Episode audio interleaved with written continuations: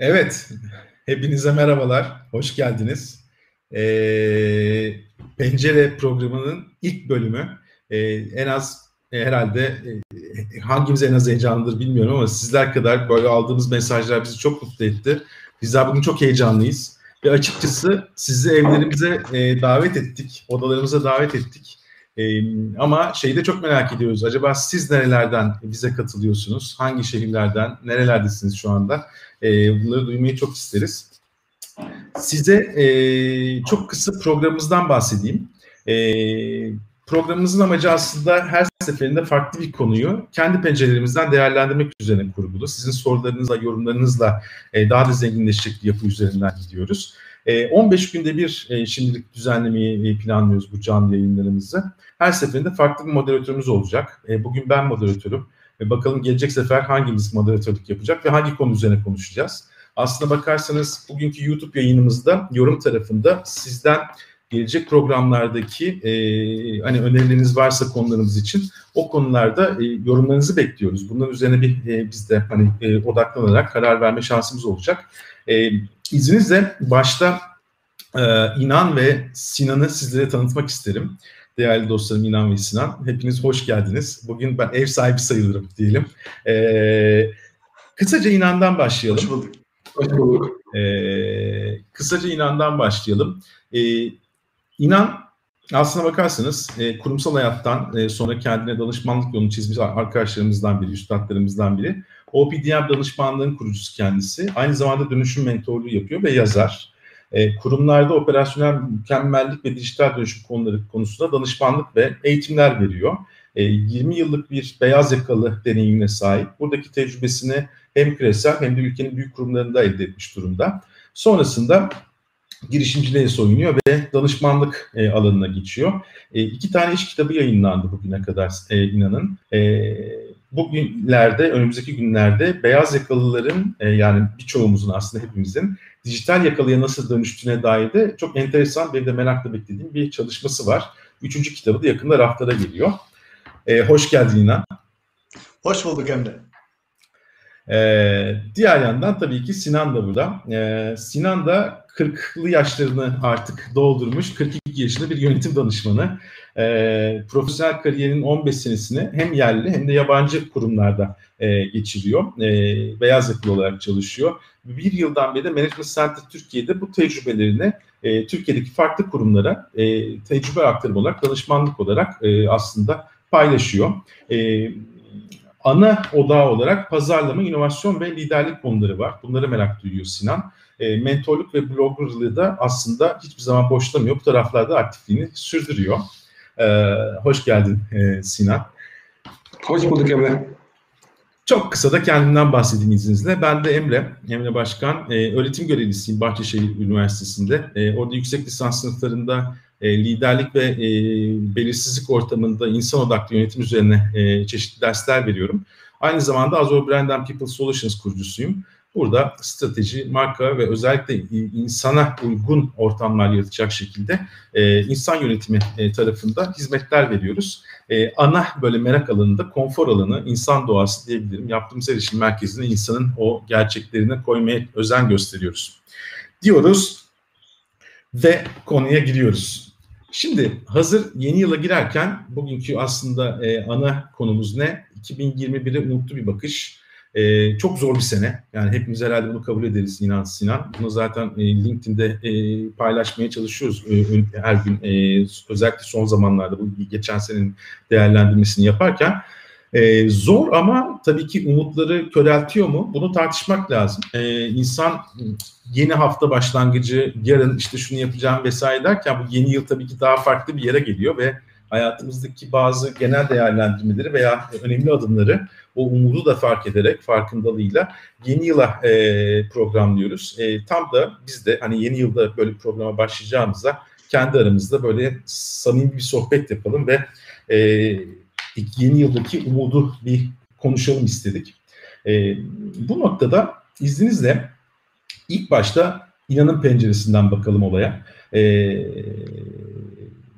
insanın kendisini geliştirmesi konusu, sen de bu konuda aslında çok farklı çalışmalar yapıyorsun inan. E, günümüzde belki çok daha fazla önem arz ediyor. Yani o sürekli öğrenme, öğrenmeye doymama, unlearn dediğimiz o eskiden bildiklerimizin üzerine yeni şeyler inşa etmemiz önem arz ediyor. E, bu tabii ki öğrenme süreci de işin geleceğine kendimizi hazırlayabilmemiz için aslında önemli bir araç. E, bu konuda e, ne gibi fırsatlar görüyorsun kendimizi geliştirebileceğimiz ve e, yeni dönemde e, yani yeni dönemde bundan sonraki senelerde şu andaki e, fotoğraf açısından pencerenden gördüğün yeni gelişim alanları neler? Şöyle ki e, sevgili Emre, e, yeni fırsatlar e, zaten hala hazırda bir şekilde şekilleniyordu. Bu içinden geçtiğimiz pandemi dönemi herkesi sarstı ve bu e, fırsatların gelmesini de hızlandırdı. Yani o fırsatları biz bir şekilde ortaya koyup o fırsatlara doğru yürüdüğümüz zaman aslında umuda doğru da yürümüş olacağız. Ne gibi fırsatlar var dersen, işte dijital dönüşüm diyoruz, çok uzun zamandır konuşuyoruz ama hala bir şekilde ne olduğuna dair bir takım toz bulut durumundayız ve şekillendirmeye çalışıyoruz şirketleri, organizasyonları. Aslında dijital dönüşüm ile birlikte ciddi bir beceri ve yetkinlik dönüşümü de yaşanıyor iş dünyasında. Hem dünyada hem de Türkiye'de. Ve burada ciddi fırsatlar var. Çünkü yepyeni yetkinlikler var. Bu yetkinliklerin bir kısmı yeni, bir kısmı hala hazırda var ama kıymeti artıyor. Bir şekilde biz o yetkinlikleri kendi bileziklerimize eklediğimiz zaman aslında yeni fırsatları da cebimize katmış oluyoruz. İşte Dünya Ekonomik Forumu çok yakın zamanda paylaştı. En çok aranan yetkinlikler listesini top 10 e, ilk 10'da yepyeni başlıklar var. Bazı başlıklar sabit olarak var ve önemi artmış. Diğer taraftan e, hem bu raporda hem de bu sene başında e, yayınlanan McKinsey'nin işimizin geleceği raporunda Türkiye özelinde iş gücü önümüzdeki 10 sene boyunca %10 oranında büyüyor. Yani yepyeni meslekler, yepyeni yetkinliklere ihtiyacımız olan bir iş dünyası var. Biz buradaki yetkinlikleri bir şekilde ortaya koyup kendimiz ile örtüşenleri onları kattığımız zaman kendimize çok güzel fırsatlar var, alanlar var. Ee, Aykut Balcı'nın e, çok güzel e, bir e, podcast serisi var. Dünya Trendleri diye. Takip ediyorum, faydalanıyorum. E, orada Hakan Kahraman isimli genç mühendis bir arkadaşla yaptığı bir söyleşiye denk geldim. E, ve Hakan Kahraman şey konusunda artırmış gerçeklik konusunda kendini geliştirmiş bir arkadaşımız. Ve çıkmış işte yaklaşık e, bir saat boyunca çok güzel şeyler anlatıyor. Ama üniversite çağından itibaren kendine o konuda yatırımlar yapmış. Ve e, şöyle bir paylaşım yaptım. Çok beğendiğime dair. Ve dedim ki işte Hakan Kahraman gibi arttırılmış gerçeklik konusunda bir şekilde kendini geliştirmiş kişiler böyle duyurdukça böyle yetkinlikleri, ihtiyaç duyulan yetkinlikleri kendisine katmış insanlara şirketler iş teklifi götürecek diye bir paylaşımda bulundum. Yani insanlar iş aramayacak, şirketler yetkinlik sahibi insanlara gidecek. Yeter ki o yetkinlikleri kendimize kazandıralım. Bu paylaşımdan sonra e, Türkiye'nin önde gelen bankalarından bir tanesi Hakan Kahraman'ın o podcast'ini dinlemiş, benim paylaşımımı okumuş. Ondan sonra iş teklifi götürmüşler ve iş değişikliği yapmış sevgili arkadaş. Aykut Balcı da buradan kulaklarını çınlatıyorum. Böyle bir şeye vesile olmuş. Velhasıl e, yeni dünya, yeni iş dünyası yepyeni yetkinlikler getiriyor. O yetkinlikleri bir şekilde kendimize kattığımız zaman e, çok önemli fırsatlar bizi bekliyor. E, umut veren e, o fırsatları bir şekilde ortaya koyup oraya doğru eyleme geçmek aslında umut adına çok güzel bir eylem aksiyon olacaktır diye düşünüyorum. E, bu güzel bir e, yorum aslında bakarsan. E, yani doğasıyla falan ilgilenirken şeyi çok iyi algılarız. Kavramsal konuştuğumuzda bazen ne kadar soyut konuşursak harekete geçiş süreci o kadar zorlaşabiliyor. O yüzden aslında bakarsan e, fırsatlar biraz daha bu kavramı, umut kavramını belki somutlaştırmamız için fayda sağlayan bir yaklaşım. Yani zor zorluk olmadan e, umut zaten olmuyor. Umuda ihtiyacımız olmasının nedeni aslında belki zorluk. Ama e, fırsat varsa umut var. Bu da önemli bir nokta. Hemen caption'a, e, ekrana yansıttım bunu. Peki e, bunu biraz daha somutlaştırmak isterim. Mesela Sinan, e, senin e, aklına gelen, bu konuda düşüncelerin nasıl? Senin aklına gelen burada e, örnekler var mı? Somut örnekler. E, farklı kaynaklardan paylaşabilirsen e, harika olur. Tabii büyük bir keyifle. Ee, inan konuya çok güzel girdi ee, ve özellikle o yetkinlik tarafını e, bahsederek güzel bir örnekle de, insani bir örnekle de e, toparladı. Ben de biraz işin hani bu iş tarafına e, bakayım. McKinsey'den bahsetti ya, işte işin geleceği raporundan bahsetti. Gerçekten de hani 2020'ye girdiğimiz zaman hepimizin önüne düşen ve gerçekten hepimizin ilgisini çeken e, bir rapordu. E, buradan hani bunu zaten cebimize koyarak girdiğimiz bir senede e, pandemiyle beraber şunu gördük ki yani artık iş dediğimiz şey asla daha önce bildiğimiz gibi bir şey olmayacak. E, önümüzdeki dönemde hani çok farklı bir e, iş hayatından bahsediyor olacağız ki zaten bunun hani belki de en ekstrem halini yaşadık, yaşıyoruz. E, ama ileride de hani 2021 ve sonrasına baktığımız, hani umutla baktığımız dönemde şunu biliyoruz ki artık iş hayatı farklı bir hayat. Ama sadece iş hayatı değil. Hani eğitim hayatı farklı, e, işte içerisinde yaşadığımız sosyal hayat farklı değil mi? Her şey bambaşka bir e, formata dönüşüyor. Bunu yaşıyoruz. Bu da ben hani e, izleyicinin hakkında kalmasını istediğim bir kelime var. O da hibrit kelimesi. Bence biz bu sene bu hibritleşmeyi böyle çok derinden yaşadık. Yani evet e, fiziken alışık olduğumuz birçok şeyi aynı zamanda uzaktan veya işte online araçlarla da yapmak zorunda kaldık ama bazılarında faydasını gördük ve önümüzdeki dönemde bunları aslında hani araç setimize de hayatımıza da yansıtacağız diye düşünüyorum. E, hatırlarsanız yaklaşık 3 ay kadar önce ben bir e, anket yapmıştım LinkedIn'de. E, şunu sormuştum hani her şey bitti, her şey normale döndü, aşı bulundu vesaire. E, iş hayatında yani çalıştığınız e, şirketlerde nasıl bir ortamda çalışmak istersiniz? %100 evden mi, %100 ofisten mi yoksa hibrit yapıda mı? %75 arkadaşlar ki 2000 kişi katıldı, 2070 kişi katıldı. %75 hibrit dedi. Ki bunun çok benzer sonuçları ben farklı anketlerde de, farklı çalışmalarda da görüyorum. Yani bu hibritleşme aslında özellikle iş hayatında hatta okul hayatında da bence önümüzdeki dönemde çok e, önümüzde bir, e, bir güncel bir konu olacak. E, burada da sadece tabii ki Türkiye değil, e, yurt dışında da bu konu çok gündemde. E, buna yönelik çok ciddi güzel çalışmalar var. E, hani çalışma dedin diye aklıma geldiğini söyleyeyim. Mesela Stanford Üniversitesi'nin bir araştırmasına göre hani optimum e, evden çalışma gün sayısı haftada iki olarak şu anda e, raporlanıyor. Hani iki gün e, evden, üç gün ofisten gibi bir hibrit yapı şu anda sanki e, daha uygun gibi gözüküyor. Ama işte niye hibritleşme veya niye evden çalışma? Çünkü insanlar bir otonomi bulabiliyor. İki, özgürlük yaşıyor. Üçüncüsü de daha esnek olabiliyor saat kullanımında. Bu da aslında hani bugünlerde konuştuğumuz birçok konuya dokunuyor değil mi? Yani hem motivasyon konusunda hem çeviklik konusunda dokunan e, kavramlar. O yüzden hani bu hibrit yapıyı bence e, daha da bol bol konuşacağız diye düşünüyorum. E, bu da şirketlere ne düşüyor? Şirketlerin neye odaklanması lazım? İşte ofis ortamlarını daha fazla işbirliğine döndürecek şekilde bir formata döndürmeleri lazım. Yani orada e, senkron tarafta daha çok işbirliği, toplantı, asenkron, evden olduğumuz zaman da daha odaklı iş sanki önümüzdeki dönemde daha ön planda olacak gibi Emre. Süper. Ee, çok çok teşekkür ederim. Ee, peki e, burada görüyorum ki gerçekten değerli dostlar da bizle beraberler. Bizim bu heyecanlı günümüze e, eşlik ediyorlar. Eksik olmayın. Ee, peki bu, bu konuda e, bu somut örnekler üzerinden bahsederken e, bize e, verebileceği bir kaynak önerisi vesaire var mıdır? E, evet. Tabii tabii. Yani burada aslında birden fazla kaynak var. E, MIT, MIT Sloan e, Review'un yine çok, e, Management Review'un çok güzel bir raporu var.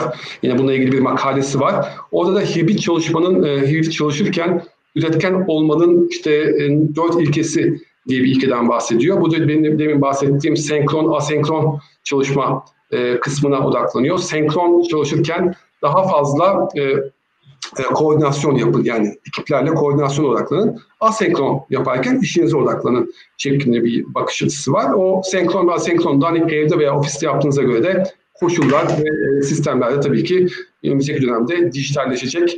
E, yine oradan da bahsettiği konuya bir referans vermiş olayım. Tamam süper. Çok çok teşekkür ederim Sinan. Ağzına sağlık. Ee, burada biraz daha somutlaştırmaya başladık. En çok hoşuma giden konulardan biri bu. İnan e, peki sana şeyi sorayım işte e, yetkinliklerden bahsettik işte veri analiz vesaire dedik e, işte büyük verinin hayatımıza nasıl yer edeceğinden falan biraz dem vurduk. O noktada e, bunu e, biraz şöyle konuşalım mı e, istersen genç arkadaşlarımızdan çok sık soru geliyor eminim size de geliyordur. Hani buradaki yetkinlikleri nasıl mesleklere koyacağız veya bir mesleğe ben başladım bir departmanda bir unvanla gidiyorum. Bu yetkinlikleri nasıl e, aslında istifade edebilirim, o fırsatı nasıl e, hayata yedirebilirim tarzında e, yaklaşımlar var, sorular var. Çok da haklı sorular olduğunu düşünüyorum. Bu konuda senin tecrübelerin, yönlendirmelerin nasıl olur? Ee, şöyle yani Sinan'ın hibrit e, o sihirli kelimesinden devam etmek isterim. Çünkü orası gerçekten kilit bir kelime. Ha, işte dij, Beyaz Yakanın Dijital Yakalıya Dönüşümü kitabının 9 tane e, aksiyon e, planı var. Beyaz yakalılar için önerdiği. Bunlardan bir tanesi hibrit çalışan olmak. Yani bir konuda uzman olmanız yeterli değil. Diğer taraftan e, kendi alanınız dışındaki şirketin genel süreçleri hakkında bilgi sahibi olmanız gerekiyor. Uzmanlık sahibi olmanız gerekiyor. Velhasıl işte beceriler dönüştükçe aslında bizim çalışacağımız meslekler de dönüşüyor ve orada e, biz e, kurumsal yaşamın üyelerini aslında somut fırsatlar bekliyor. Mesela en çok aranan becerilerin yanında en çok aranan meslekler listesine baktığımız zaman e, veri analisti, e, iş geliştirme uzmanı hatta çok sevdim ilk defa girdi ilk ona dijital dönüşüm uzmanı gibi meslekler girdi. Şimdi bu meslekleri bizler odağımıza aldığımız zaman kendi işimizde aslında manevra yapmak için nerelere yönelmemiz gerektiğini de bir şekilde bulabiliyoruz. Mesela dijital dönüşüm uzmanı. Dijital dönüşüm IT birimini sanki yönettiği gibi bir süreç gibi olsa da aslında iş birimlerinin liderlik etmesi gereken bir süreç. Eğer ki biz o konuda kendimizi donatıp IT birimiyle ortak dilde çalışmalar ortaya koyabilirsek kendi işimiz ne olursa olsun ister planlamada çalışan bir uzman olalım, ister insan kaynaklarında çalışan bir e, şef olalım. Dijital dönüşüm uzmanı gibi çok aranan bir mesleğe manevra yapabiliriz. Veyahut da veri analisti en çok aranıyor. Mesleklerin başında geliyor. Veri analisti olmak için illaki şu birimde çalışıyor olmanız diye bir kanun yok sevgili Emre. Biz veri analisti olursa kendimizi donatıp hangi birimde çalışırsak çalışalım en çok aranan o mesleğe araştırma onu gösteriyor. Rahat bir şekilde yönelebiliriz. İşte hani fırsatlar var diyoruz ya o fırsatları bir şekilde ortaya koydukça umudumuz artabilir diyoruz ya. İşte e, beyaz yakalı çalışan kendisini tıkandığı anda tıkandığı hissediyorsa veyahut da işinde bir manevra yapıp bir kendine bir pencere açmak istiyorsa veya gelecekteki iş gücündeki yerini sağlamlaştırmak istiyorsa yeni aranan meslekleri, en çok aranan meslekleri bir şekilde masasına yatırıp oralara odaklanabilir. Çünkü o meslekler e, spesifik olarak bir e, birimden gelecek kişilerden ziyade iş bilimlerinde uzmanlaşmış kişilerin üzerine inşa ediliyor. Somut olarak bu fırsatlardan bahsedebilirim. Süper, çok teşekkürler. Bu e, büyük veri konusu ve veri analizi konusu da enteresan tabii. E, ne, ne, ne diyorsun? Evet, izin verirsen bu konuda benim bir, bir ufak bir eklemem olsun, bir katkım olsun. Sahne senin, sahne senin. Büyük, büyük bir konunun buraya geleceğini az çok tahmin ediyordum. O yüzden yanımda bir kitap var. O kitabı da aslında paylaşmak istiyorum. Şöyle ekranda biraz da görüntüye bakayım. Süper. E, büyük bir iş başında belki görüyorsunuzdur Bernard Marr'ın yazdığı bir kitaptır bu kitap. Ben hani inanla katılacağımız bir e, ilk görüşmede hani konu bir de umut olunca işin içerisinde dijitalleşimine gireceğini tahmin ettim. Bu büyük veri konusu aslında e, bu konu kalbinde belki inanda belki yorum yapar arkasından. Ama ben bu kitabı niye getirdim yani niye gösterdim? Aslında arkasında başka bir sebep var. E, diğer sebebi de birazdan paylaşacağım. E, o da şu, e, belki bizi takip eden arkadaşlar hani evet üçümüzün bir araya gelmesini e, çok hani e, ne, ne diyeyim sürpriz olarak düşünmüş olabilir ama bunun aslında bir hikayesi var. Belki bir hikayeyi anlatmakta e, doğru olabilir diye düşündüm. Çünkü bu kitap aslında bizim tanışma hikayemizin e, arkasındaki kitap.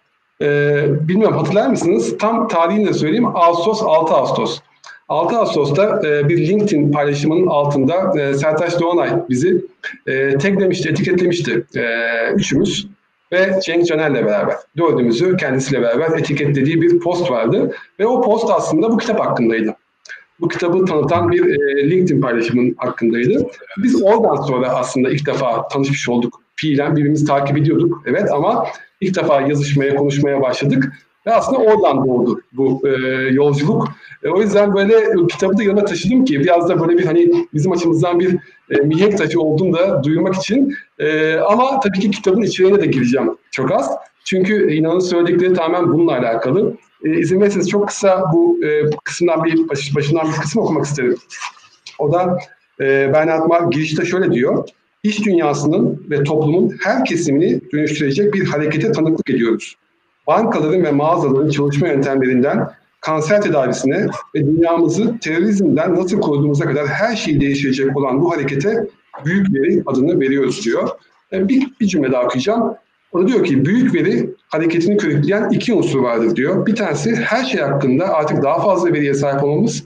ve herhangi bir veriyi depolama ve analiz etme becerimizin gelişmiş olması e, bugün ve 2020'den de sonra konuşacağımız bütün konular içerisinde işte bu yüzden dijitalleşme olacak. Bilmiyorum ya sürprizimi beğendiniz mi? Çok enteresan çok oldu. Güzel oldu. Ee, çok çok güzel oldu. Gerçekten. Gerçekten. Ee, şimdi yani, e, moderatör müsaade edersen ben de Lütfen, lütfen. İnan buyur. Ee, müsaadenle, müsaadenle gerçekten duygulandım. O şeyi postu hatırlıyorum. Buradan sevgili Sertaç'a ve e, Cenk'e de sevgilerimi iletiyorum. Yani gerçekten şu an bir araya gelip böyle heyecanlı güzel bir iş yapıyorsak onların katkısıyla oldu. Ee, çok da güzel bir hatırlama oldu. Çok sağ ol Sinan. Ne sağlık. Evet gerçekten pencerede e, duygusal anlar arkadaşlar. Peki şimdi ben de böyle e, o günleri anımsıyorum. Gerçekten etkileşim dediğimiz şey aslında e, bence değer katıyor e, ortaya. E, daha farklı bir değer ortaya koyuyor.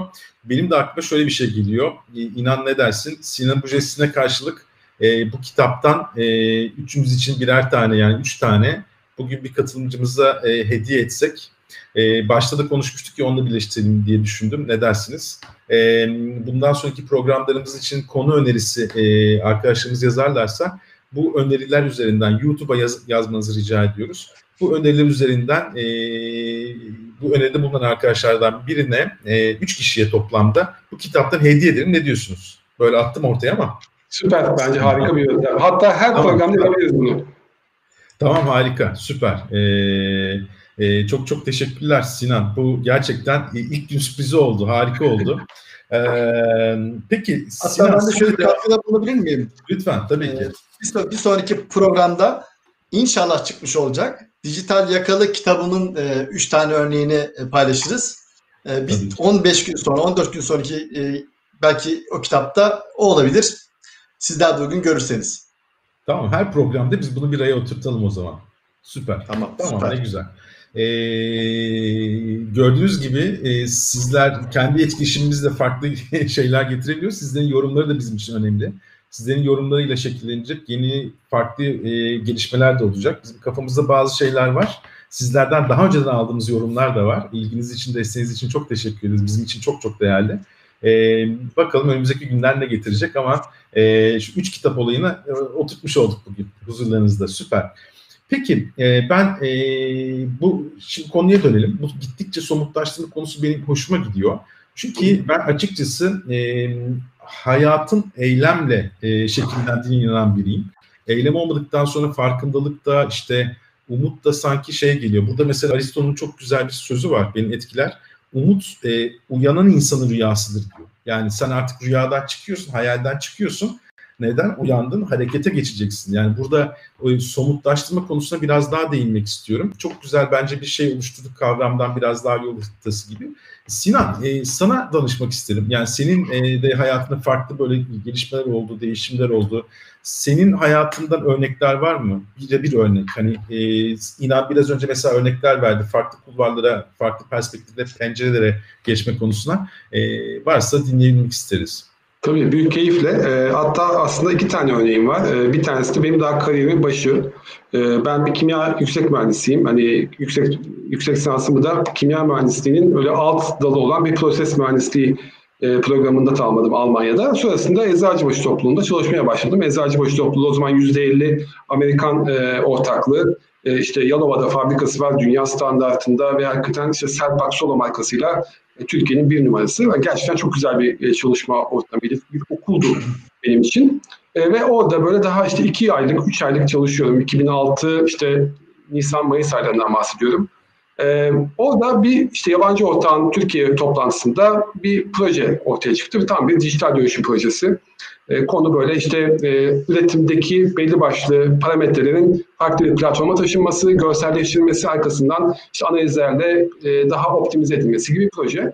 Müdürüm sağ olsun Recep Bey kulakları çınlasın. Benim de yüksek lisansımın proses mühendisi olduğunu biliyor. Dedi ki Sinan yapar bunu. Beni çağırdılar toplantı yapar topar. Daha yepyeniyim şirkette. Ne sektörü biliyorum, ne üretimi biliyorum, ne ürünü çok iyi tanıyorum. Sinan sana dediler böyle bir proje. Dedim hay hay, büyük keyifle. E, sonrasında şöyle bir ufak anekdot da var. Onlar sonra diyorlar ki ben şirketin sadece yani Türkiye ayağının sorumlusu olacağım. Meğerse hikaye şöyleymiş, Amerika'dan geliyor yabancı ortağın ofisinden. Ve eğitmenler biz Avrupa'daki ekip bir ekip oluyoruz, öğreniyoruz ve Avrupa'daki bütün fabrikalara gidip öğretiyoruz. Bunu öğrenince böyle benim müdürüm, genel müdürüm herkes böyle bir şaşırdı tabii ki ama e, sonuçta bu bir projeydi ve projeye e, hakikaten e, çok keyifli bir şekilde başladık. Sonrasında gerçekten yurt dışında eğitimden alıp e, şirketi aktardık. E, farklı e, fabrikalara e, yayılımını sağladık. E, biz çok odaklandık projeye ve e, hakikaten benim de tecrübemle yani eğitimini aldığım için o simülasyondur, e, işte farklı bakış açılarıdır, işte analiz, analitik bakış açısıdır. Hani e, bir başarı hikayesi oluşturduk ve benim kariyerim açısından gerçekten bir zıplama noktası oldu. Daha 3-4 aylık bir e, genç mühendis iken ve ondan sonra da bu bilgisayar uygulamalarından, dijital proje, dijital dönüşüm projelerinden hiç kopmadım. E, ikinci örneğimde ikinci e, firmamda Yunus'a, Sabancı'da çalışırken bu sefer de ne yaptık? Kendimize bir CRM hedefi koyduk. CRM projesi neydi, nedir? İşte Salesforce'la anlaştık ve Salesforce'la bütün satışın e, işte datalarını, verilerini, yeni müşteri, yeni e, fırsatları hepsini e, bir e, online ortama geçirip oradan e, hem bütçe takibi hem de satış performans takibi yaptık. Ve bu da yine çok e, benim açımdan e, büyük e, deneyim kazandığım, ve dijital dönüşümü birebir yaşadığım ve sonuçlarını da etkilerinde birebir yaşadığım bir projeydi. Ben ikisini de sonrasında anlatırken bu kadar tekniğe girmeden insanların aklına nasıl kalsın diye şöyle anlatıyorum. Aslında hep kara kaplı defterleri şeffaflaştırdık. Birinde üretimdeki teknisyenlerin kara kaplı defterlerini şeffaflaştırdık, standartlaştırdık. İkincisini satış ekibinin kara kaplı defterlerini, o müşteri bilgilerini şeffaflaştırdık. Her şeyi şeffaf bir şekilde ortaya koyduk ve çok daha iyi yönetilebilir hale getirdik. O yüzden hani kendi kariyerim açısından da iki tane böyle e, iyi örneği var. Hem e, içerisinde bulmaktan gurur duydum hem de hani etkilerinin hem bana hem de şirkete çok daha fazla fazla pozitif yönde olduğunu düşündüğüm. Okey. Hazır böyle bir soru sormuşken inan senin de aslında kariyerinde çok farklı gelişimler var. Yani daha önce başka ortamlarla sohbet ettik ama e, belki benzer yollar olacak. E, yine de arkadaşlarımızın, katılımcıların benim de kafamda somutlaştığım için sen de kariyerinde böyle değişimlerden çok kısa bahsedebilir misin? Kendi hayatında nasıl e, kayıştır oldu, bunlar nasıl e, fırsatlara dönüştü? Çok kısa almak isterim senden. Ya şöyle sevgili Emre, yani benim e, kariyer hayatımda hep böyle e, sert e, manevralar bir şekilde benim kariyer hayatımı şekillendirdi. Ee, yani hiç bilmediğim bir lojistik birimine geçmek istedim. Ee, daha sonra otomotiv sektöründe 9 yıl çalıştıktan sonra FMCG sektörüne geçtim. Ee, operasyonel mükemmellik konusunda e, bir şekilde e, dönüşüm için e, gittiğim holdingde dijital dönüşümü bir şekilde üstlenmek için kendim sorumluluk aldım. Ondan fazla şirkette o dönüşümün bir şekilde yol haritasını çıkarttık vesaire.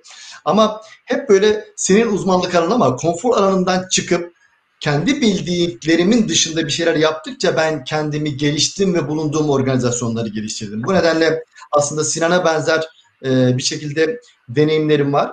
Diğer taraftan aslında aynı zamanda 2019'un başında kurumsal hayata ben bir şekilde veda ettim ve kendi işimi kurdum ama 2014'ten bu yana hem kurumsal yaşamda bir şekilde o beyaz yakalı olarak gelir elde ederken 2014'ten bu yana işte dediğim gibi kaç sene 6 sene boyunca da e, eğitmen olarak e, şirketlere seminer ve eğitimler verdim. İzgörün Akademi bünyesinde.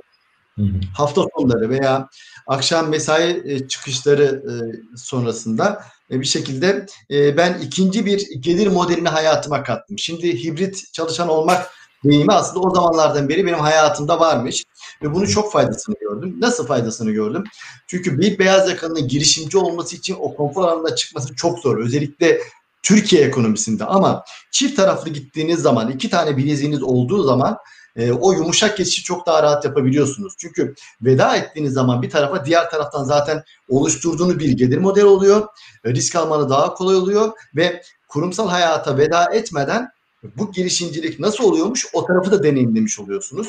Bu nedenle e, hayatımda hep böyle konfor alanından çıktığım e, ve de e, aynı kulvarlarda bir şekilde yürüttüğüm işler bana çok şeyler kattı. Naçizane e, beyaz yakalı olarak bir şekilde girişimciliği düşünen özellikle kişilere bunu tavsiye edebilirim. Peki harika. Ee, peki Sinan, şimdi bu kendi hayatımızdan da örnekler verdik de e, ben hani konuştukça aklıma gelen kendi içindeki soruları size yansıtmaya çalışıyorum az çok. Ee, bir takım çantası ister ya herkes. Hani bir eğitimi yap, verdiğimizde veya bir sohbette veya bir webinarda hani bunun bir kolay yolu yok mu diye. Ben her zaman şeyi savunuyorum. Siz de zaten e, farklı pencerelerden baksak da olaylara bazen bu noktada benzer e, konulara değiniyoruz. E, insanın olduğu şeyde durumlarda mutlak doğru yok ve bu noktada biraz durumsallık var. Ama yine de bize destek olabilecek bir bakış açısı, bir perspektif, e, böyle oradaki süreci toparlayan e, umut konusuna biraz daha farklı bakmanızı sağlayacak bir e, model veya bir araştırma var mı? Senin de çok meraklı olduğu bir konu olduğu için hani kesin oradan bir şey çekeriz diye düşünüyorum şu an. Aynen bizim özellikle bu son dönemde e, bu e, yeni dünyada tabii ki uzaktan çalışmanın veya uzaktan e, yönetimin e, ön planda olduğu dünyada uzaktan liderlik dediğimiz bir kavram da hayatımıza girdi. E, Birçok hani daha önce ekibiyle yan yana çalışan e, kişi artık ekibini uzaktan yönetmek durumunda kaldı. Biz de buna yönelik aslında hem e, eğitim programları tasarlıyoruz hem de bunları aktarıyoruz. E, bunu yaparken faydalandığımız bir e, araştırma var. Belki ondan bahsetmek doğru olabilir bu noktada. Bu da Gallup'un yaptığı dünyaca ünlü bir araştırma firması biliyorsunuz. Gallup bu pandeminin biraz daha baş tarafında aslında Nisan-Mayıs aylarında yaptığı bir araştırma var. Yaklaşık 100 tane dünyanın en büyük global firmasının işte e, İK'sından sorumlu kişilerle yapıyor çalışmayı ve e, o dönemde hani çalışanların psikolojisini anlamaya çalışıyorlar. E, hepimiz çok iyi biliyoruz ki bu pandemi hayatımıza girdiği zaman ilk temel duygu korkuydu. Hepimizde bir korku oldu. Çünkü neyle sonuçlanacağını bilmiyorduk. E, hala ne kadar biliyoruz tartışıyoruz ama belli bir süre sonra o korku kendi yerini endişeye bıraktı. İkinci bir duyguya döndürdü. Bu araştırma da aslında bu endişe duygusunu ortaya koyarak başlamış. Yani diyor ki yaklaşık yüzde 60'lık bir kesim e, çalışanların bir endişe duyuyor. Öyle ya da böyle. Ve hani çok iyi biliyoruz ki endişenin ön planda olduğu ortamlarda performans beklemek mümkün değil. O yüzden hani ne düşüyor yöneticilere, beyaz yakalara? E, bu endişeyi yönetmek. E, endişeyi yönetebilmek için de Gallup'un araştırması dört tane ana başlığı aslında ortaya koyuyor. E, bu dört ana başlıktan ilk ikisi çok tanıdık. Yani bize her türlü liderlik çalışmasında karşımıza çıkan kavramlar. Bir tanesi güven, bir tanesi de kararlılık. Yani burada güven ve kararlılık derken hani sadece şunu altını çizeceğim.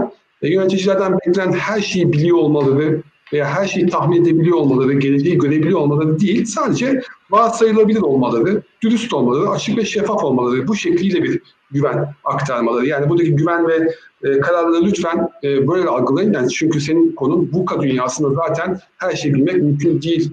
E, kabulünü bir kere ortaya koymak lazım. Ama burada diğer iki başlık bence çok enteresan e, Gallup'un e, araştırmasında ortaya çıkan. Bir tanesi şefkat. Yani şefkat gibi bir duygu ihtiyacı oluşmuş çalışanlarda. E, şefkat de ben iki şekilde anlatıyorum. Bir kendine duyduğun şefkat, bir de çalışanlara duyduğun şefkat. O yüzden bu dönemler özellikle bilmiyorum demek, hani her şeyi bilmek zorunda olmadığını düşünmek, hissetmek iyi geliyor insanlara. Son ve aslında bizim de bugünkü konumuz olan umuta geldiğimiz zaman da bu da umut da aslında çalışanların en çok hissetmek istediği, duymak istediği duygu olarak yine bu listede yer almış. Bu da ne düşüyor yöneticilere? Kere kargaşa sırasında e, en değerli varlığımız umut. O yüzden umuda yatırım yapmak lazım. Hem kendi açımızdan hem çalışanlarımızın umut damarına dokunacak davranışlarda bulunmak lazım. Çünkü bir kere umut, güven ve kararlılık aslında bazında ortaya çıkıyor ve insanları ileriye çekiyor, motivasyonunu arttırıyor. O yüzden hani bu senin sorunu bu Gallup'un araştırmasıyla bu şekilde cevaplayabilirim. Güven, kararlılık, şefkat ve umut önümüzdeki dönemde de çok daha önemli olacak. Hem liderler açısından hem de çalışanlar açısından. Harika, çok teşekkür ederim. Ya enteresan bir konu. Neden derseniz e, hep teknik e, yetkinlikler üzerinde dururken bu soft e, skill dediğimiz daha sosyal e, konuların yani şefkat de, dediğimiz bir konu var artık iş hayatında. Ne kadar şey geliyor. Eski iş hayatımızı vesaire düşünüyorum da e, çok böyle pembe e, pembemsi böyle şey, yaklaşımlar gibi gelirdi o zaman böyle ortamlarda konuştuğumuzda. Ama işte insanın olduğu yerde bazı dengeler gerekiyor. Ee, insan işte de insan, evde de insan. Ee, çok teşekkürler Sinan. Ee, peki inan senin pencerenden burada atabileceğimiz adımlar ne? Çünkü sen yani çok farklı alanlarda hem girişimcilerle hem de e, kitap yazarlık e, sonrasındaki e, kontaklarınla çok farklı alanlardaki insanlarla da irtibat kuruyorsun. E, o noktada e, hani bize böyle önerebileceğin 2021'de umut tarafında bize böyle e, ışık verebilecek farklı farklı neler olabilir? Yani farklı yöntemler, farklı adımlar var mıdır senin kafanda? Ee, somut birkaç öneri daha paylaşacağım ama öncesinde yine Sinan'ın bıraktığı yerden e, bir şey paylaşmak istiyorum. Yani Dünya Ekonomik Forumu'nun işte Ekim ayında yayınladığı en çok aranan beceriler listesine ilk ona yeni bir beceri girdi. Resilience yani psikolojik dayanıklılık. E, ve e, psikolojik dayanıklılık artık e, yeni dünya düzeninde her bir çalışanın sahip olması bir yetkinlik ve orada psikolojik sermayenizin güçlü olması gerekiyor. Psikolojik sermayenin de dört tane faktörü var. İyimserlik, öz yeterlilik, yılmazlık ve de umut. Yani umudumuzu hiçbir şartta yitirmemek gerekiyor. Ve de umut verecek olan o fırsatları bir şekilde kollamak gerekiyor. Ve de e, bunu yapmak için de dijital bazı platformlar var. 2010'lu yılların başında Y kuşağını anlayıp onlara göre şirketleri organize etmek için yola çıkmıştık. E, o zamanlar Danone'de çalışıyordum. O zamanlar şunu soruyorduk. Bir Y kuşağı kariyeri boyunca kaç farklı şirkette çalışacak? İki buçuk yılda bir iş değiştiriyorlar. 16 farklı şirkette çalışacak kariyeri boyunca. Bu çarpıcı gelirdi. Z kuşağı için şunu soruyoruz sevgili Emre. Bir Z kuşağı, 2000'den sonra doğan Z kuşağı kaç farklı meslekten para kazanacak? Yani böyle bir sorgulamanın içindeyiz. Yani bizler de bugün kaç yaşında olursak olalım, hangi konuda olursak olalım kendimize e, bir şekilde e, iş gücünde hibrit modeller oluşturmamız gerekiyor. Şu anki yaptığımız işe bir B planından bahsetmiyorum. Aynı kulvarda bize gelir modeli getirecek. Onun için de dijital platformlar bizim bir şekilde elimizin altında. Neler var dersiniz? Mesela e, 10, Fiverr, Expertera e, veya Freelancer gibi e, hem Türkiye'de hem de dünyada kendi yetkinliğinizi bir şekilde gelire çevirebileceğiniz modeller var. Hal böyle olunca bir konuda uzmanlık sahibiyseniz o uzmanlık e, konusunu bir şekilde ilgili birimin bünyesinde çalışmadan dünyanın her tarafında bir şekilde gelire çevirebiliyorsunuz. E, yani kurumsal yaşamda bir şekilde sıkışmış kalmış e, veyahut da farklı e, alanlarda kendisine bir şekilde e, alanlar yaratmak isteyen kişiler için e, bu platformlar e, biçilmiş kaftan. Yani bu platformlara gidip kendi uzmanlığını bir şekilde koyup e, o e, alanlarda tüm dünyaya açılmayı ve o alanları bir şekilde e, kurcalamayı her bir çalışana tavsiye ederim. Çünkü yeni dünya düzeninde esnek kariyer yollarına sahip olmak gerekiyor. Yani bir şirkete girdin, bir meslekte işte emekli oldun, anne babamıza bir şekilde nasip oldu. Yeni dünya düzeninde farklı bileziklere, yetkinliklere sahip olup farklı gelir modelleriyle, farklı kariyer e, yollarıyla ilerlemek gerekiyor. Dijital platformlar, biraz önce bahsettiğim dijital platformları e, ve bunun benzeri platformları iyi değerlendirmek e, ve de kendimize yeni pencereler açmak gerektiğini düşünüyorum. Süper. Ee, çok çok teşekkürler. Ee, arkadaşlar biz programımızı böyle çok uzun tutmak yerine biraz hap yapmaya çalışacağız. Haptan kastımız da 40-45 dakika. Ee, bugün ilk heyecanımız, ilk tecrübemiz. Ee, genelde iş hayatına dokunduğumuz konular oldu. Ben de biraz insan tarafına dokunmak istiyorum aslında sona doğru gelirken. Ee, şimdi insan, ben hep şeyi vurgularım yani e, hayatımızda bir kelime geçiyorsa veya bir olgudan, kavramdan bahsediyorsak insanlar ilişkisini doğru kurarak aslında bunu anlamlandırmamız daha kolay olabiliyor. E, umut neden var e, dediğimiz noktada şunu söyleyebilirim size. Aslına bakarsanız tabii ki bir var olma nedeni var. E, mesela bunu e, Doktor Shane Lopez şöyle açıklıyor.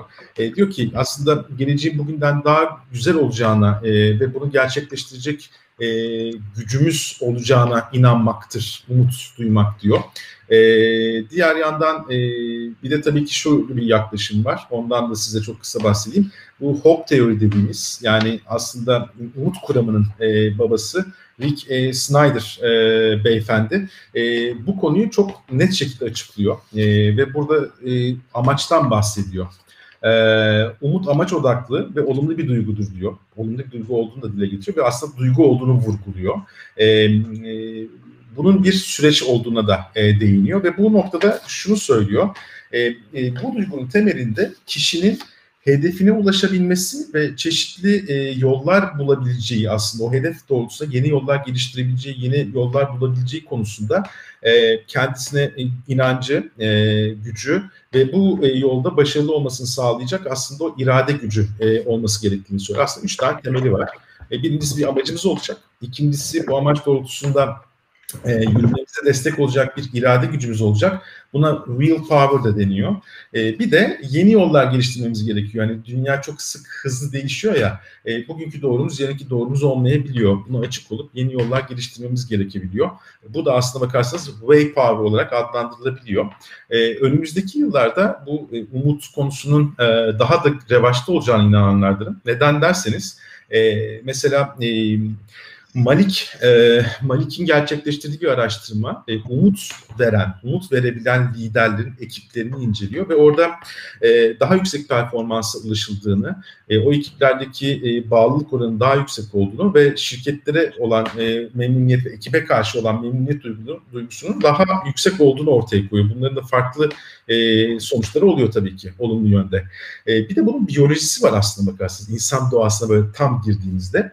E, bu, bu, bu konu hayatta karşılaştığımız zorlu bir duruma karşı yani zorlu bir durumda biz aslında kortizol hormonu salgılıyoruz ve stres duygusuyla karşılaşıyoruz. E, kortizol durumuna karşı veya böyle bir durumda kendimizi e, yılmamak adına orada hala e, varoluşu devam ettirebileceğimiz veya başarıya gidebilecek bir yol olması durumunda harekete geçmemizi sağlayan olumlu kimyasallar devreye giriyor ve bize aslında bir enerji e, pompalayıp harekete geçmemiz için harekete geçmemiz için destekliyor. Aslında bakarsanız burada hem teoriler hem filozoflar hem de bu işin e, biyolojisine baktığımızda umut eylemle eşleşiyor. Yani eylem olmayan yerde umut etmek değil de bir mucize beklemek gibi bir konuk e, duruyor aslında karşımızda. E, burada e, çok e, güzel de iş hayatında somut e, şey, e, örnekler verme şansımız oldu. E, bu noktada şey şunu da söylemek isterim. E, birazdan yeni yıl e, yorumlarımıza geleceğiz, dileklerimize geleceğiz. Siz de e, dileklerinizi bize yorumlardan paylaşabilirsiniz. E, burada birkaç tane soruya da değinmek istiyorum bu sırada öncesinde. E, inan sana soralım istersen. E, Aydın Bahater'den e, bir sorumuz var örneğin. E, kurumsal umut ile bireysel umut sizce nasıl yönetilir ve liderlerin rolünü bu alanda nasıl tanımlarsınız? E, Sinan senin de görüşlerini almak isterim sonrasında. E, ben açıkçası yani e, tabii ki e, inan yapsın yorumunu ama tam sanki tam onu anlattın gibi hissettim biraz önce. Evet, hani, evet. Evet, evet, üzerinden geçti geliyor. Tam üzerinden evet. geçti. Yani belki e, Aydın Bey cevabını almış bile olabilir. O yüzden bilmiyorum inan belki yani farklı. Ben, ben de aynı ben de ben de aynı şeyi söylüyorum. Öyle güzel bir yanıt oldu ki şimdi senin dediklerin üstünde söylesek e, şey kalır. Çok güzel böyle teorilerle anlattın. Ee, Buğra'nın bir, e, Buğra Gülen'in bir sorusu var. E, benim gördüğüm. Dilersen ve müsaaden olursa onu ben cevaplamak isterim. Tabii ki. Hemen e, yani, ben de yansıtmaya çalışayım. Hı hı.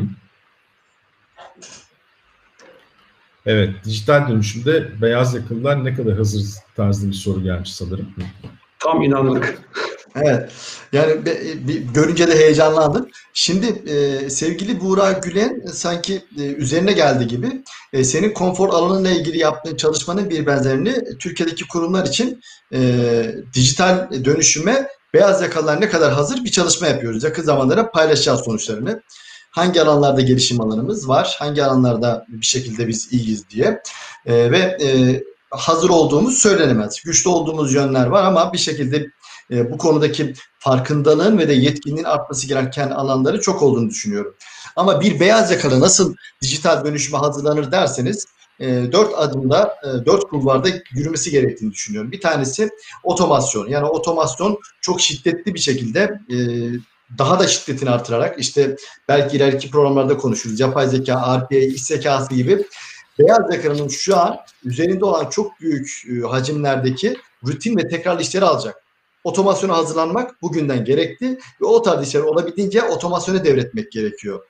Otomasyona devrettikten sonra her bir çalışan e, teknolojik yetkinliklerini arttırması gerekiyor. Kendisi teknolojiyi nasıl kullanıyor, veri analizi gibi ve bunları yaptıktan sonra bilişsel yetkinliklerini güçlendirmesi gerekiyor. Yaratıcılık, iş geliştirme, eleştirel düşünce gibi bu yetkinliklerle birlikte zaten beyaz yakanın önünde bekleyen bir sürü problem var. Çözülecek problemler var, iş geliştirmeler var. Oralarda bir şekilde kendine alan yaratmalı ve değer katacak projelere yönlendirmesi gerekiyor. En son kulvarda ise en son kulvarda ise büyük veri kesinlikle değişime adaptasyon e, gibi yetkinliklerini bir şekilde e, sosyal yetkinlikleri güçlendirip bütün bu değişimi yönetebilmesi gerekiyor. İşte bütün bunları da yapınca e, dönüşümü bir şekilde liderlik edip o gerekli yetkinlikleri de cebine katmış olacak e, ve e, yeni çağında aslında aranan çalışan olacak. Süper. Çok teşekkür İnan. Sinan sen ekleyeceğin bir şey var sanırım. Ben araya kitabı gösterdim çünkü Hilal Hanım, Hilal, Hilal Hanım dedi ki hani bir öneri alabilir miyiz kitap önerisi? Bunun e, bu, bu, bu yayının kitap önerisi bu olsun dediğimiz için hani ona göstermek istedim. İnanın söyledikleri de aslında bağlantılı olduğunu düşündüğüm evet. için o yüzden ufak bir e, reklam aldım yani. Süper yaptın. Peki arkadaşlar e, ilk tecrübemiz, ilk programımız e, çok da fazla soru geldi, yorum da geldi. E, e, sevgili e, misafirlerimiz biz kendi aramızda şöyle bir e, karar alalım isterseniz. E, aynen LinkedIn'de yaptığımız gibi aslında size geri dönüş yapmak istiyoruz. Bir 48 saat içerisinde buradaki sorularınıza kendi aramızda bir paylaşım yaparak YouTube'daki sorulara cevaplarımızı e, yorum da olsa ileteceğiz. Her hepinize temas edebilmek adına. E, kapanışa gelirken e, ben açıkçası çok keyif aldım arkadaşlar. Bir akış oldu sanki. Sanki becerdik bu işi az da olsa.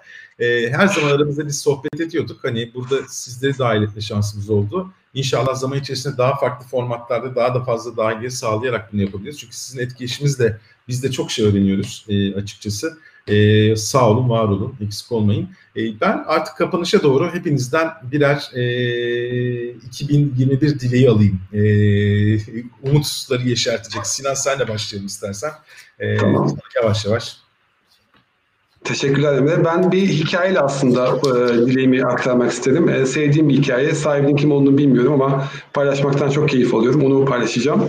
E, bu aslında dört tane mumun hikayesi. Bir odada kendi başına yanan dört tane mum hikayesi. E, o kadar sessiz bir ortam var ki mumların kendi aralarında konuştuklarını duyabiliyorsunuz. E, birinci mum diyor ki ben diyor barışım ama artık kimse beni yanar hale tutmak için uğraşmıyor. O yüzden ben söneceğim diyor ve alevi hızla azalıyor ve sönüyor. İkinci mum diyor ki ben de inancım diyor ama artık vazgeçilmez değilim. O yüzden benim de yanık kalmamın bir anlamı yok diyor ve yavaşça o da sönüyor ve kayboluyor ışığı. Üçüncü muması da geliyor diyor ki ben de sevgiyim diyor ama artık insanlar benim önemimi fark etmiyor. En yakınlarındakiler bile sevgi duymuyorlar diyor. O yüzden ben de söneceğim diyor ve o da yavaşça sönüyor. Tam bu sırada odaya küçük bir çocuk giriyor. Bakıyor üç tane mum sönmüş ve çok üzülüyor. Diyor ki bu mumlar niye söndü diyor ve ağlamaya başlıyor. Tam o sırada dördüncü mum söz alıyor. Diyor ki lütfen üzülme diyor. Ben varken diyor diğer üç mumu yakabiliriz. Çünkü ben umudum diyor. Ve küçük çocuk o dördüncü mumu alıyor. Diğer e, üç, üç mumu tekrar e, alevlendiriyor ve yakıyor. Ve çocuk çok mutlu oluyor tabii ve e, bu dört mum tekrar yanar hale geliyor. Benim de dileğim dolayısıyla umut alevinin hayatlarımızı hayatlarımızdan asla çıkmadığı, barış, inanç ve sevginin de her zaman sürdürülebilir olduğu bir 2021 yılı diliyorum hem size hem de herkese. Çok teşekkürler Sinan. Ağzına sağlık. İnan? Vallahi Sinan bugün bizi hep duygulandırdı ya şimdi. E, e, ben de şöyle diyorum yani bu sene bizlerin e, ağır bedeller ödediği bir sene oldu. Yani kurumlar olarak, bireyler olarak. E, ben diyorum ki e, bu krizin fırsatlarını heba etmeyelim diyor. E, yepyeni fırsatlar getirdi. Bu fırsatları bir şekilde görelim, onların üzerine gidelim ve bu bedeller ödediğimiz krizin fırsatlarını bir şekilde kendimize çevirelim.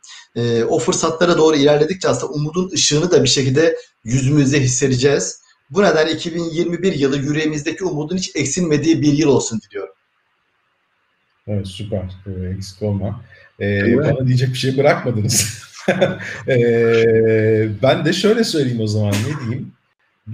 Bu arada şeyi de söylemek lazım. Hani VUCA dediğimizde hep böyle kötümser algılanıyor ya. Kötü şeyler olacakmış gibi. Beynimiz aslında ona programlı. Varoluşu devam ettirmek için dışarıdaki tehditleri ilk başta e, ortaya çıkarmaya çalışıyor, belirlemeye çalışıyor. Ama VUCA dediğimiz konu aslında belirsizlik demek. Belirsizlikten güzel bir şey de çıkabilir değil mi? Yani e, bunu da hiç unutmamak lazım. E, biraz kendimizi negatife şartlıyor olabilir belki e, biyolojimiz vesaire. Ben e, şöyle bir dilekte bulunayım.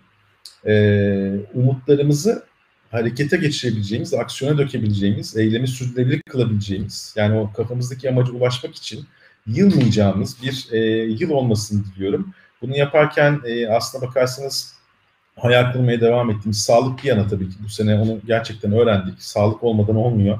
Eskiden belki e, sağlık konusunu hep böyle e, genel geçer, çok hissetmeden söylerdik. Bunu hiç çok derinden hissediyoruz. E, umutlarımızın hep ayakta kaldığı, e, ama şunu da farkında olduğumuz yani umudun ayakta tut bizim var olmuşumuzun ve onu da eyleme dökmemizin e, önemli olduğunu e, unutmadığımız e, hayallerimizin ötesine geçen güzellikte bir yıl olmasını diliyorum. E, yeni yılda da e, iki hafta sonra yeni bir moderatör ve yeni bir konuyla e, sizlerle e, beraber olacağımızı tekrar hatırlatmak istiyorum.